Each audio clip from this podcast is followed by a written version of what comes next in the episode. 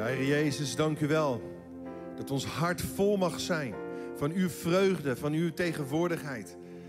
En Heer, dank u wel, Heer, waar we vol van zijn, Heer, daar loopt onze mond van over. En Heer, zo willen we u danken, Heer. En ook bidden voor het openen van uw woord, Heer, dat het licht mag verspreiden. In welke duisternis men zich ook bevindt. In welke situatie men zich ook verbindt, ja, zich bevindt. Heer, dank u wel dat u wilt doorbreken met uw kracht, met uw liefde. Heer, zegen zo het verdere verloop van deze dienst in Jezus' naam. Amen. Amen.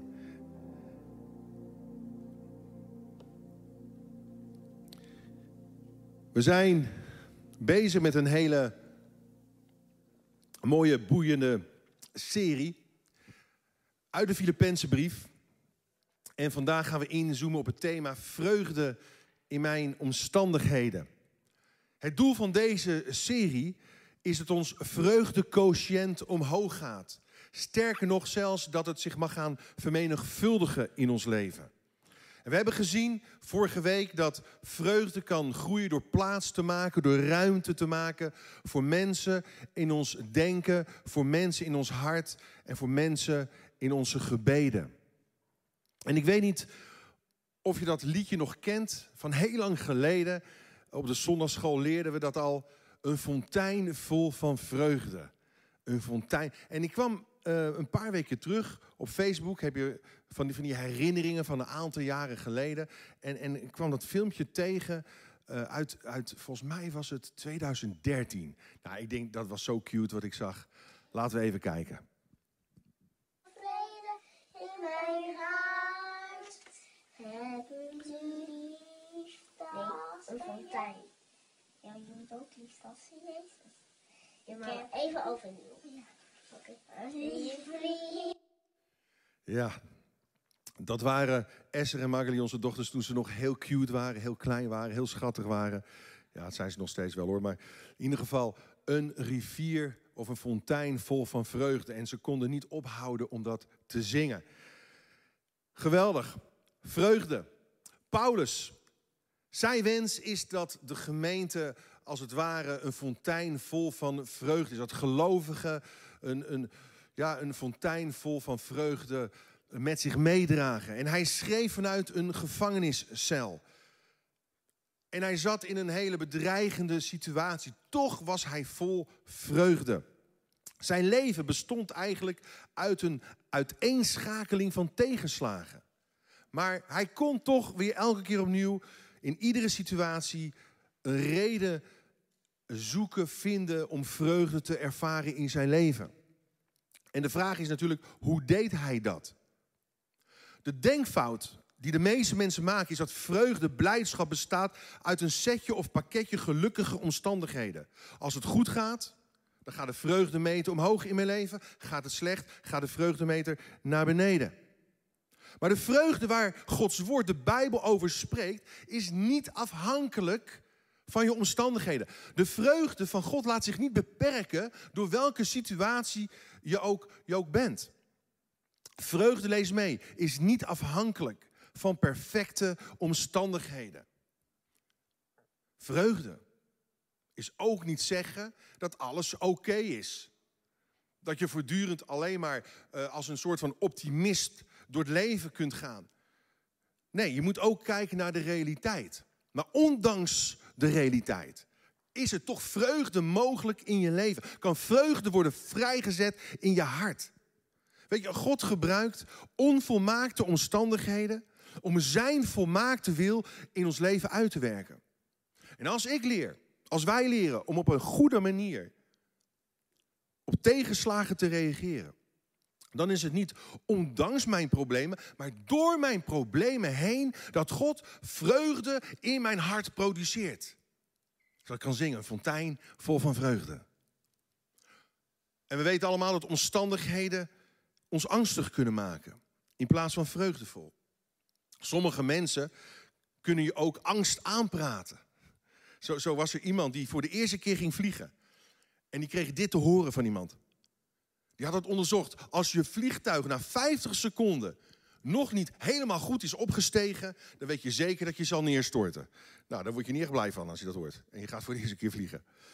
Maar het geheim, lees mee, van vreugde, om vreugde te ervaren in je omstandigheden, is dit. Verander je perspectief. Verander de manier waarop je naar dingen kijkt. Als Paulus bijvoorbeeld zegt, laat de vreugde van de Heer blijven. Ik zeg u nogmaals, wees altijd verheugd. Dan zou je hier uitroeptekens achter kunnen zetten. Want door de hele brief klinkt vreugde als een echo in zijn hart. En kan vreugde als een echo in jouw hart weer klinken en weer kaatsen weer naar anderen toe. Maar het zijn de uitroeptekens gevormd door de schaduwen van de tralies, waardoor hij toch nog vreugde kon ervaren. En het woordje vreugde heeft dezelfde stam als het woord genade, oftewel garis. Dus met andere woorden, door Gods genade kan ons perspectief veranderen. In welke omstandigheden we ook verkeren. Paulus, hij zegt in feite, ben je op zoek naar vreugde in je leven, naar blijdschap, naar geluk in je leven? Ik laat je zien hoe. En heb je gebrek aan vreugde, ik laat je ook zien waarom. Het heeft sowieso te maken met je manier van kijken, je manier van dingen, denken. Vreugde beleven. Dat doen we niet ondanks de aanwezigheid of afwezigheid van, van bepaalde dingen, maar door alle dingen heen. Nou, wat is er voor nodig? Om ons perspectief aan te scherpen. Wat is er voor nodig om inderdaad anders naar bepaalde situaties te kijken? Er zijn drie manieren om verder te kijken dan wat voor ogen staat. En eigenlijk werkt Paulus dat heel mooi uit in de volgende verse. Maar allereerst, kijk voorbij, lees je mee, kijk voorbij de omstandigheden om de resultaten of de vrucht voor ogen te houden. Kijk voorbij de omstandigheden om de resultaten voor ogen te houden. Filippenzen 1, vers 12. We gaan verder. Waar we vorige week gebleven zijn. U moet weten, broeders en zusters, dat wat mij is overkomen er juist toe bijdraagt dat het evangelie wordt verspreid. Het is iedereen in het Romeinse hoofdkwartier en alle anderen duidelijk geworden dat ik gevangen zit omwille van Christus. Het Romeinse hoofdkwartier, het pretorium. Dat had te maken met het gerechtsgebouw, maar ook met een peloton soldaten, bestaande uit wel 9000 man. Dus de impact van het getuigenis van Paulus was enorm. Hij zegt, het is duidelijk geworden aan iedereen. Met name in dat Romeinse hoofdkwartier, te Filippi of, of in te Efeze waar hij was. Weet je, het evangelie infiltreerde heel veel gezinnen van hooggeplaatste mensen. Zelfs het gezin van de keizer. En de keizer werd aan, aanbeden als een god. En volgens documenten uit de kerkgeschiedenis blijkt dat Nero, de keizer op dat moment, zijn eigen vrouw en schoonmoeder liet ombrengen. Omdat ze in Christus geloofden. En Paulus haalde het optimale rendement uit zijn situatie. En Paulus, hij ziet in dat wat hem overkwam, kon bijdragen tot verspreiding van het evangelie. En dat feit geeft hem vreugde. Natuurlijk niet. Het geeft hem geen vreugde dat hij in de gevangenis zit. Het geeft hem geen vreugde dat hij geboeid zit, vastgeketend zit, beperkt is. Maar het feit dat hij de kans krijgt om een heel peloton te bereiken, om, om het Romeinse hoofdkwartier te bereiken, om gezinnen van de keizer te bereiken, te beïnvloeden, dat gaf hem vreugde. Paulus haalde het optimale rendement uit zijn situatie. Weet je, hoe langer hij zelfs in de gevangenis blijft en zit, hoe meer mensen tot geloof kwamen. Dit is verrassend. Weet je, de plaats waar je vreugde lijkt te worden weggezogen, kan tevens de plaats zijn waar God je vreugde herstelt en gebruikt. God kan pijnlijke situaties als een slijpsteen voor onze ziel gebruiken. En de ene gevangenisbewaarde naar de ander gaf zijn leven aan Jezus. En zijn groot verlangen was altijd al om de gemeente in Rome te bezoeken. En daar de gelovigen te onderwijzen. Dit was volgens, eigenlijk volgens hem niet echt Gods plan. Maar toch accepteerde hij dat hij nu eenmaal in die omstandigheden verkeerd was. En gebruikte hij die omstandigheden om het woord te verspreiden. Ook al loopt het anders. Anders dan hij had verwacht, anders dan hij had gedacht. Weet je, hij preekt niet in de kerk, maar in de gevangenis. En wat was het resultaat? Allereerst, lees me mee. Het resulteerde in de verspreiding van het evangelie onder de mensen die God niet kenden. Weet je, er was in die tijd natuurlijk geen e-mail, geen internet, geen telefoon. Dus brieven schrijven was eigenlijk de enige optie vanuit een cel. En Paulus, hij moet zich hebben afgevraagd waarom hem dit moest overkomen. Maar hij blijft er niet in hangen. Hij blijft niet kijken naar de tralies voor zijn ogen.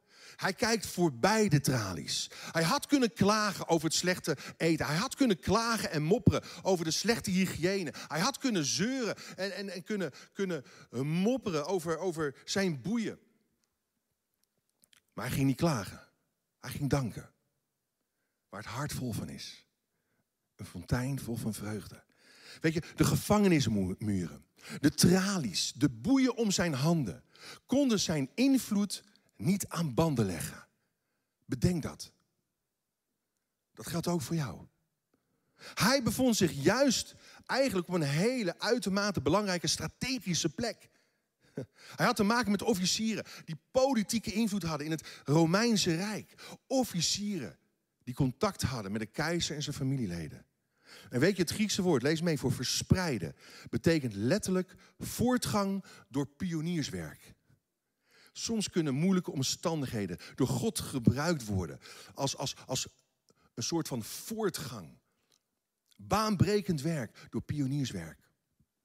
Hij verwijst naar het beeld van pioniers die voor het leger uittrokken om over bergen en bossen een weg te banen voor de soldaten.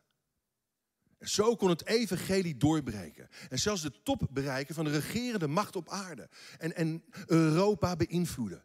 Weet je, God kan elke situatie in jouw leven gebruiken. En hij kan in elke situatie van je leven doorbreken. Met zijn kracht, met zijn genade, met zijn vreugde.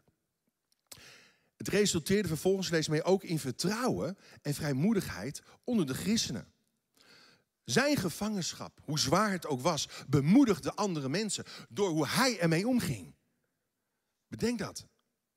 Lees mee, Filippenzen 1 vers 14. Bovendien durven de meeste broeders en zusters, omdat ze door mijn gevangenschap vertrouwen in de Heer hebben gekregen, de boodschap nu nog onbevreesder te verkondigen. Het inspireerde. Het motiveerde. Het gaf moed. Het resultaat van zijn omstandigheden was dat andere gelovigen werden aangespoord om nog onbevreesder uit te stappen voor het evangelie, voor het geloof.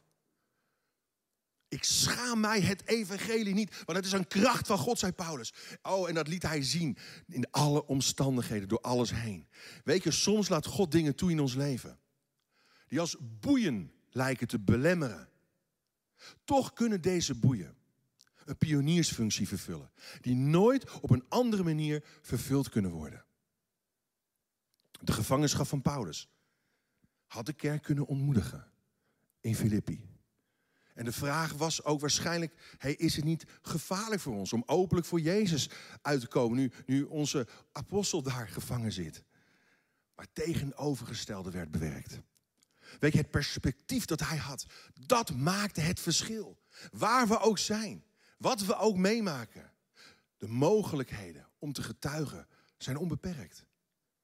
En God kan juist vreugde produceren in die omstandigheden. Vanmorgen uh, wil ik de gelegenheid nemen om, om te gaan uh, luisteren en kijken naar een interview. Een interview van Wenjun. En Angelique, mijn vrouw, die, uh, kom maar, neem alvast mijn plaats, die gaat haar een aantal vragen stellen waardoor ook zij kan ingaan op, op dit thema. En ik hoop dat het je zal bemoedigen en ook zal inspireren.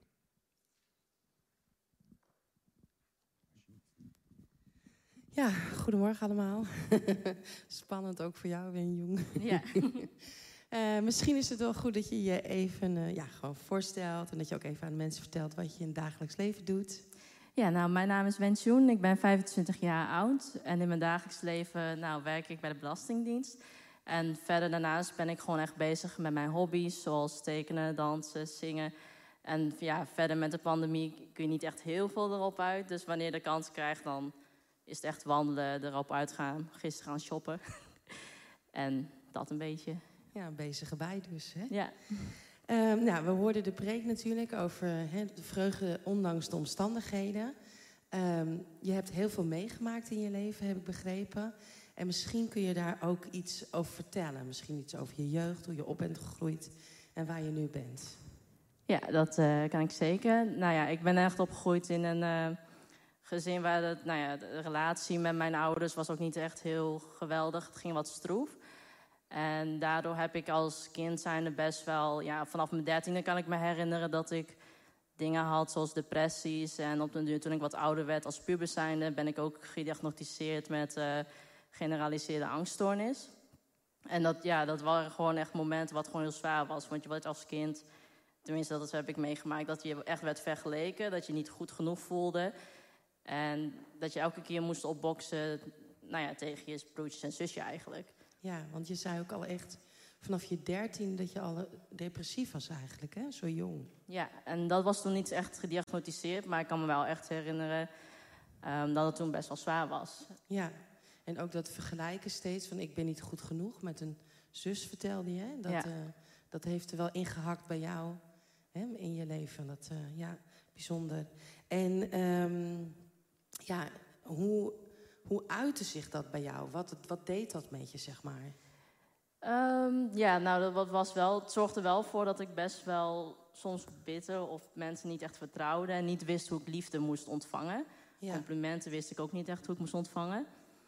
En ik ging dan ook echt op zoek naar om die leegte te vullen. Ja, wat deed je dan bijvoorbeeld? Wat ik me nou goed kan herinneren is dat ik het echt zocht in dingen zoals tarotkaarten, wet van aantrekking. En op den duur kwam ik in zo'n multilevel marketing. Dat is zeg maar dat je in eerste instantie wordt je gelokt met... hey, verkoop dit product. Maar dan moet je mensen lokken. En daar zijn ze echt bezig met de wet van aantrekking van... jij bent de crea creator of je leven. En dat jij degene bent die je leven aantrekt. En alles wat je aantrekt, komt vanuit jou. Dus als er wat slechts gebeurt, dat is je eigen schuld... want je hebt slechte dingen uh, gedacht. Maar daar ging ik het echt in zoeken. En daardoor, ja, merkte ik ook dat ik in mijn omgeving mensen ook wegduwde. Omdat ik echt zo'n mindset had van, ja, jij bent negatief, dus ik hoef jou niet. Ja, ja, oké. Okay. Dus het ging je helemaal, je hele leven beïnvloeden eigenlijk. Ja, klopt. En als het dan niet goed met je ging, dan was jij zelf degene die daar schuldig aan was? Ja. Oké, okay, dus dan krijg je ook weer dat je weer niet goed genoeg voelt. Precies. ja. Dus dat was echt zo'n uh, cyclus wat gewoon door bleef gaan. En ik merkte op een duur ook van je bent continu bezig, want die leegte wordt toch nooit vervuld. En je bent continu de, de leegte aan het vullen met dingen die je nooit zullen vervullen. Dus continu tarot readings, continu met die kristallen, noem maar op. Ja. Maar dat heeft bij mij gewoon echt nooit vervulling gebracht. Het zorgde meer voor dat ik juist vaker daarna toe hoer ging. Ja. Met de hoop dat ik een antwoord kreeg van... ja, je leven wordt beter, je gaat het maken en dat soort dingen. Ja, het, het gaf juist meer verwarring, hè? Ja. Zei je. Hoe, Ik, meer, eh, hoe meer je daarmee bezig was. Ja, vertel. Ja, dat klopt inderdaad. Want je bent niet bezig met iets beter worden. Je zit gewoon, je bent aan het hopen. Maar ik was niet actief bezig met een hobby of pak... of echt bezig te zijn om mezelf te verbeteren. Ja. Maar toch staat hier dat je 2021, dat, jij je, dat daar echt een grote verandering voor je is geweest. Dat je echt wel een heel goed jaar hebt gehad, ondanks de pandemie. Dus misschien kan je daar ook iets over vertellen. Uh, ja, ik uh, heb inderdaad in 2021 best wel een goed jaar gehad. Ondanks de pandemie. Omdat aan het begin van het jaar heb ik dan mijn huidige werk gevonden. Um, in maart ben ik begonnen met, omdat iemand in dat spirituele wereld de Bijbel aan het lezen was. Toen dacht ik van nou, daar heb ik eigenlijk ook wel interesse in. Dus zo ben ik begonnen. En toen ben ik een kerk gaan zoeken, ben ik CLC tegengekomen. En daarna is het gewoon echt een heel snel vaartrein dat ik de wereld van spiritualiteit, tarotkaart, heb ik weggedaan. Um, ben, heb lid gemaakt van deze, of aangemeld voor deze kerk. Toen heel snel ook gedoopt. En ook, nou ja, dit vorig jaar getrouwd in september met mijn man. En, dat is allemaal mooie dingen. Ja, dat zijn allemaal en mooie is dingen. jouw innerlijk gevoel ook veranderd ten opzichte van hoe je nu bent dan toen het was, van binnen? Ja, dat is ook zeker veranderd. Ik uh, ben veel minder bezig met mezelf afstraffen als ik slecht voel. Uh, maar ik heb ook, ja, het, voelt gewoon veel rustiger. Want je hoeft niet continu van die dingen te doen. Je moet niet telkens jezelf in check houden van ben ik positief aan het denken. Het voelt gewoon veel rustiger dat ik gewoon kan gaan bidden naar God toe. En dat ik dan gewoon, ja, de last van mijn schouders eigenlijk aan hem kan geven. En dat ik denk van oké, God, u bent in controle. Ik leef gewoon mijn leven en ik zie wel waar het uh, ja, pootjes landen. Ja, dat geeft je rust, hè? Dat ja. zei je gisteren. Is mooi. En wat doe je dan bijvoorbeeld als je echt denkt van... Nou, nou, ik heb nu echt een off-day of het voelt niet goed van binnen? Meestal trek ik me of mentaal terug... of dat ik ook echt fysiek en mentaal terug ga trekken. Um, ja, en wat mij deze dagen gewoon echt veel helpt, is gewoon heel veel bidden. Ja. Want ja, ik moet het vaak wel kwijt, maar heel vaak dan zoek ik het bij andere mensen of zoek ik contact.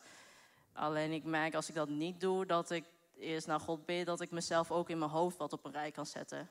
Ja, mooi. Heel mooi wat je allemaal vertelt. Want er is dus echt wel een verschil, zeg je, van voor en na dat je God kende eigenlijk. Ja, klopt. Ik ben nu veel minder bezig met zoekende van dat ik moet horen dat mijn leven goed is. En in plaats daarvan accepteer ik de dingen zoals ze zijn. Maar dan heb ik ook, behoud ik ook hoop gewoon van de toekomst wordt beter. Ook met het idee van als ik mezelf wegleg met mijn 13-jarige ik en hoe ik nu voor sta. Nou, dat is gewoon echt een hele grote groei. Mooi, mooi. Dat je het zo meemaakt. Misschien uh, zou je deze zin nog kunnen afmaken. Door Jezus ben ik. Door Jezus ben ik. Uh, gevuld met geloof, hoop en liefde. En ja, dat is wat mij vreugde geeft. Ja, mooi.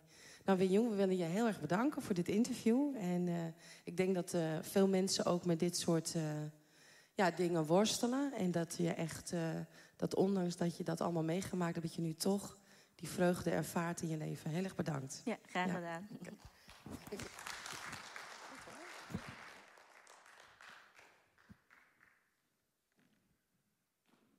Ja, bijzonder wat uh, God in mensen kan doen. In jou kan doen, in mij kan doen, in ons.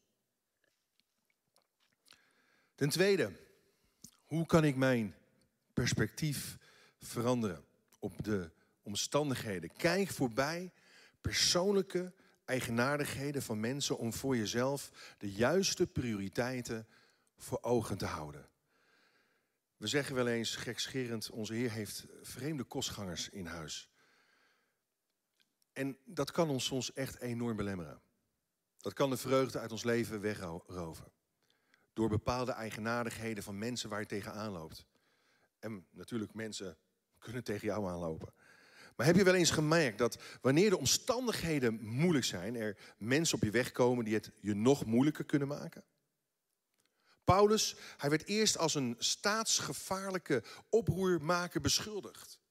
En hoewel hij kwaad moest leiden voor het evangelie, zelfs boeien moest dragen, zei hij, het woord van God is niet geboeid. Ondertussen waren er groeperingen die Paulus niet mochten. Ook zelfs gelovigen, medebroeders en zusters of christenen. En de boodschap van redding door geloof alleen zonder de werken van de wet, stond ze tegen. Dus ze gingen tegen hem opstaan. En wat besluiten ze? Ze drukken zichzelf op de voorgrond om zijn situatie te verslechteren. Om zijn lijden te verzwaren. Net als, als liefde en eenheid gaan ook vaak jaloezie en wedijver samen. En zo zegt Paulus in hoofdstuk 1 vers 17... maar de eersten verkondigen Christus uit geldingsdrang... met onzuivere bedoelingen om mijn gevangenschap te verzwaren. Volgens een deskundige kon het ook om rivalen van Paulus gaan, die een succes-evangelie verkondigden. En hiermee wilden ze Paulus de loef afsteken. Maar wat was zijn tegenreactie? Ik zou flippen in die gevangenis. Maar wat deed hij? Wat was zijn remedie? Vreugde. Vreugde er tegenover zetten. Hoe ga je om met mensen die je situatie verslechteren? Niet dat je dingen moet goed praten, maar dit. Lees mee. Vergeet niet dat er ook mensen zijn met goede bedoelingen. Relativeer. Niet iedereen heeft kwaad in de zin. Niet iedereen is tegen jou. Er zijn altijd meer mensen die achter je staan dan tegen je zijn. Er zijn meer mensen dan je denkt die voor jou bidden en jou vooruit willen helpen, dan mensen die over je roddelen en je onderuit willen laten vallen. Paulus, hij gaat verder. Filippenzen 1, vers 15. Sommigen, lees u mee, doen het weliswaar uit afgunst en rivaliteit. Maar anderen verkondigen Christus met goede bedoelingen. Zij doen het uit liefde. In het besef dat ik de taak heb het evangelie te verdedigen. Het woordje ook hier rivaliteit of, of geldingsdrang betekent letterlijk proberen je eigen belangen te promoten door stemming te kweken. Er waren dus mensen die Christus predikten met een onzuivere motivatie.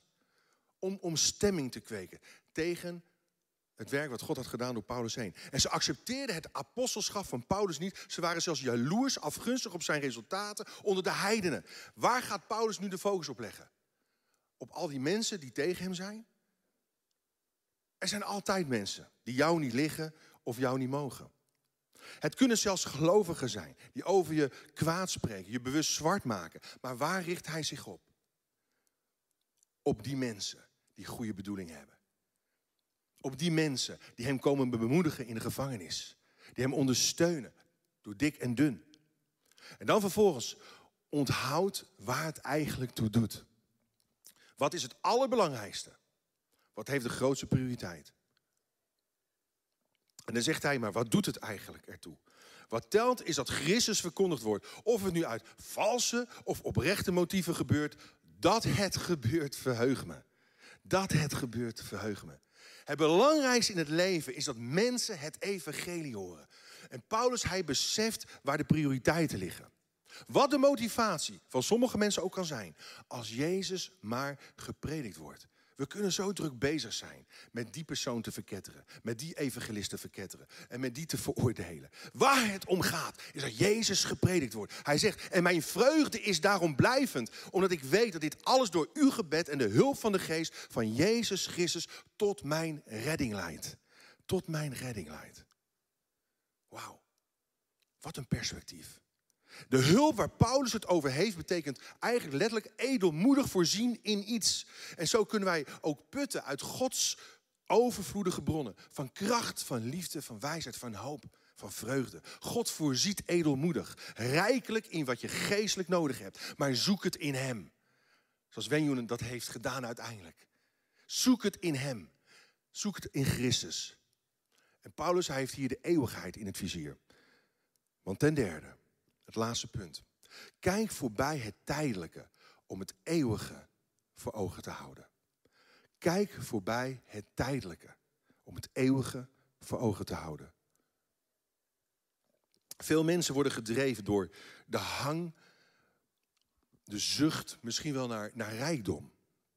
Anderen worden gedreven door de behoefte om, om geliefd te zijn, om onder de aandacht te komen.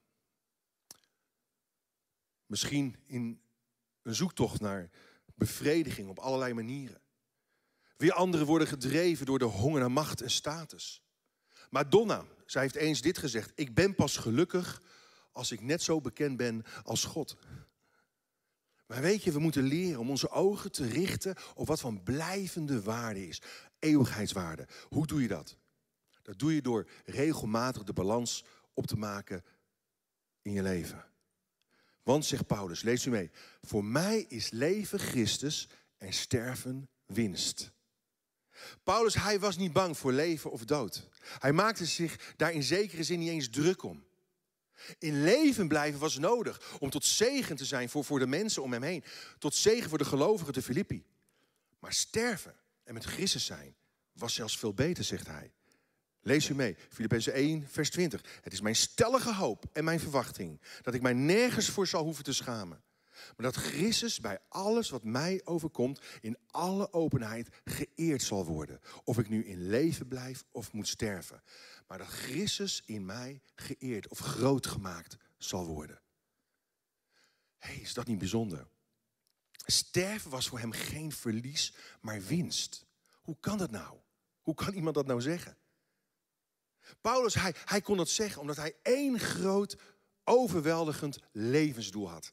En dat is dat Christus zal worden grootgemaakt. Dat Christus zal worden geëerd. Het zij door zijn leven, het zij door zijn dood. Wat houdt dat in? Misschien denk je, ja, maar God eren, dat doe je toch alleen maar uh, als je in de kerk bent of zo. Iemand groot maken. Weet je, dat, dat, dat, dat is iemand bewonderen, dat is iemand vereren, iemand aanbidden. Je gaat er helemaal in op. En zo is dat verlangen ook van Hem naar ons toe overgebracht. Dat we helemaal in beslag worden genomen door Jezus Christus.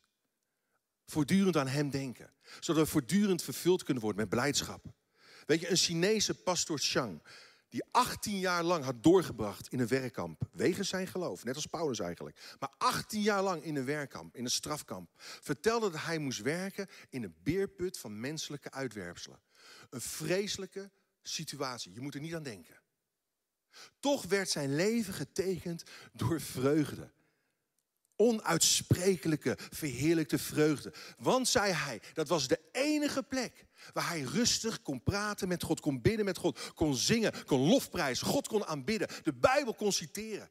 Het was de enige plek waar hij in alle vrijheid zijn geloof kon uiten en beleven. En weet je wat hij zei? Die beerput, dat stinkgat, dat werd mijn persoonlijke paradijs. Het was de enige plek waarin ik God kon grootmaken. Hij gebruikte zijn moeilijke situatie om in alles God te eren. C.S. Lewis, hij, hij zei het volgende. Lees mee, ontberingen bereiden een gewoon persoon vaak voor op een buitengewone bestemming. Denk aan het resultaat. Weet je, als Christus ons leven is, dan wordt alles anders. Zoals Wenjun het heeft gezegd. Dan krijgen dingen een andere kleur als het ware, een andere smaak. Je gaat anders kijken met andere ogen. Je krijgt een andere levensrichting. Maar tegelijkertijd ook een andere levensinrichting.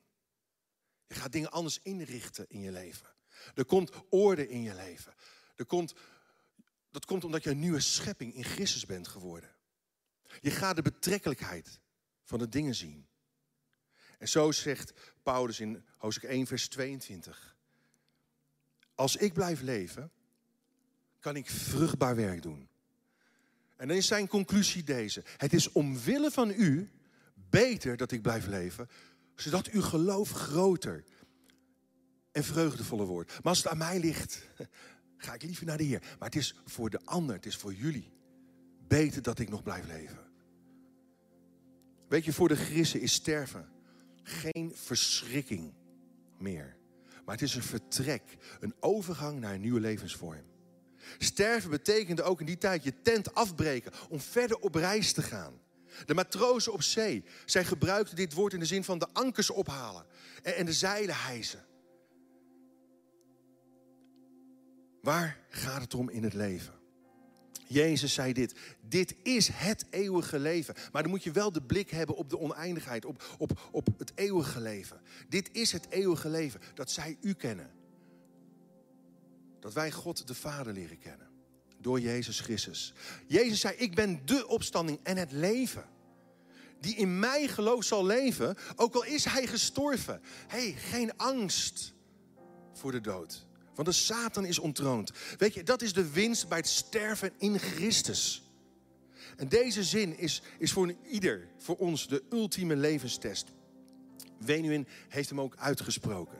En misschien kun je dat voor jezelf ook uitspreken op dit moment. Of opschrijven. Vul me in. Voor mij is leven en dan. Voor mij is leven.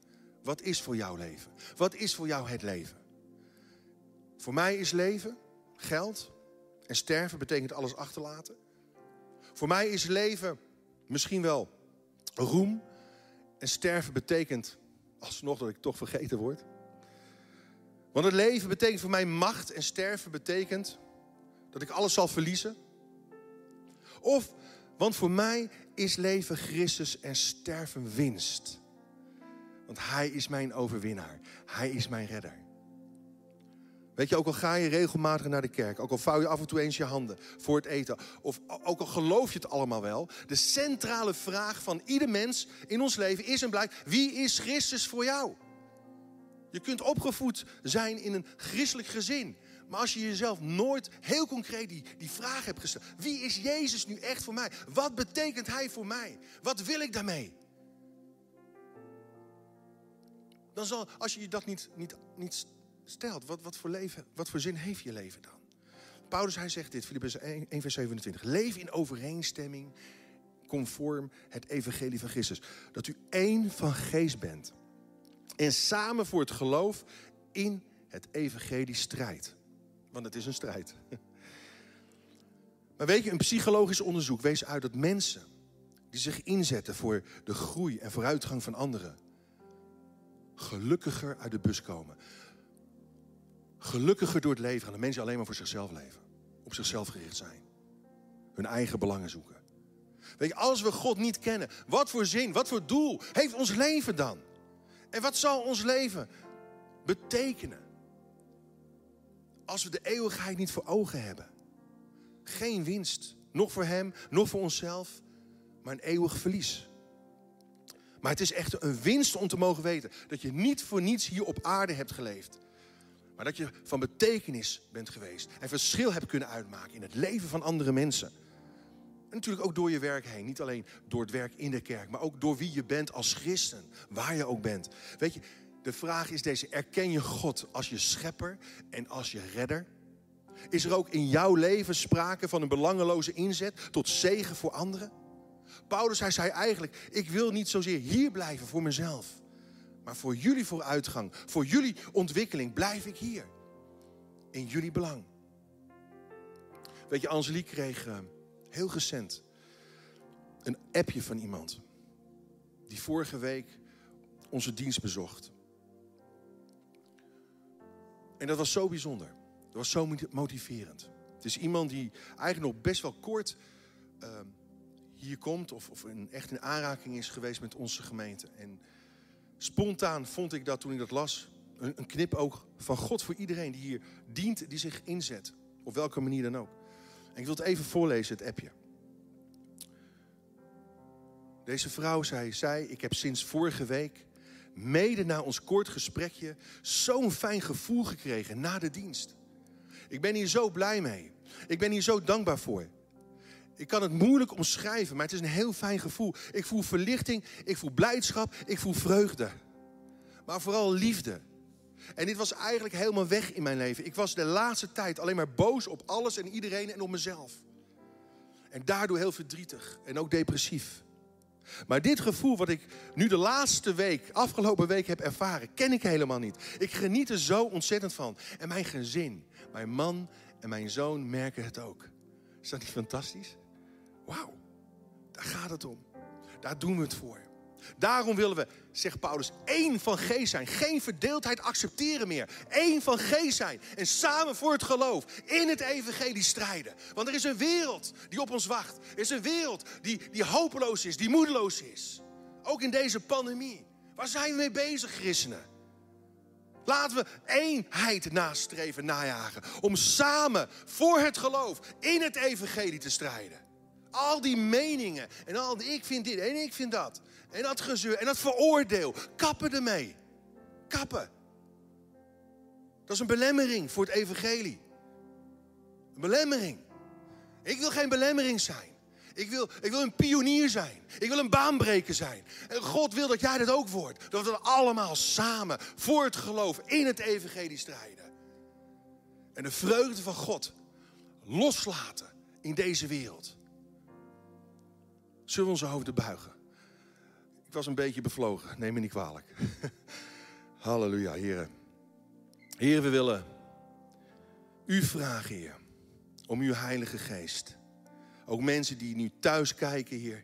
Ik bid gewoon, Heer, dat ze door uw hulp, Heer, voorbij de omstandigheden gaan kijken. Om de resultaten voor ogen te houden.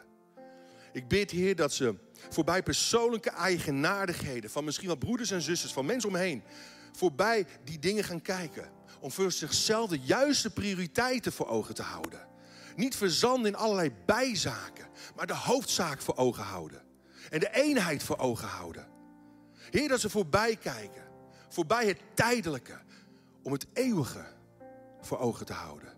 Het eeuwige. We zijn hier zo kort. Het leven gaat zo snel. Heer, laten we ons leven investeren zoals u dat wil. Overeenkomstig het evangelie. In overeenstemming met het evangelie. het goede nieuws, de blijde boodschap. Misschien wil je ook heel zachtjes in je hart, misschien ook wel hardop zeggen: Heer Jezus, leven voor mij, dat bent u. Jezus is mijn leven. Jezus is mijn winst. Jezus is mijn overwinning. Jezus is mijn bron, mijn fontein van vreugde. En ik wil je zegenen met deze woorden in de naam van Jezus. Dat je nieuwe schepping mag worden als je dat nog niet bent. Dat je Hem op dit moment mag toelaten in je leven, in je hart. Laat Zijn geest jouw leven op dit moment doorstromen. Jouw leven bekleden met Zijn liefde. Zijn hoop en zijn vreugde in Jezus' naam. Amen.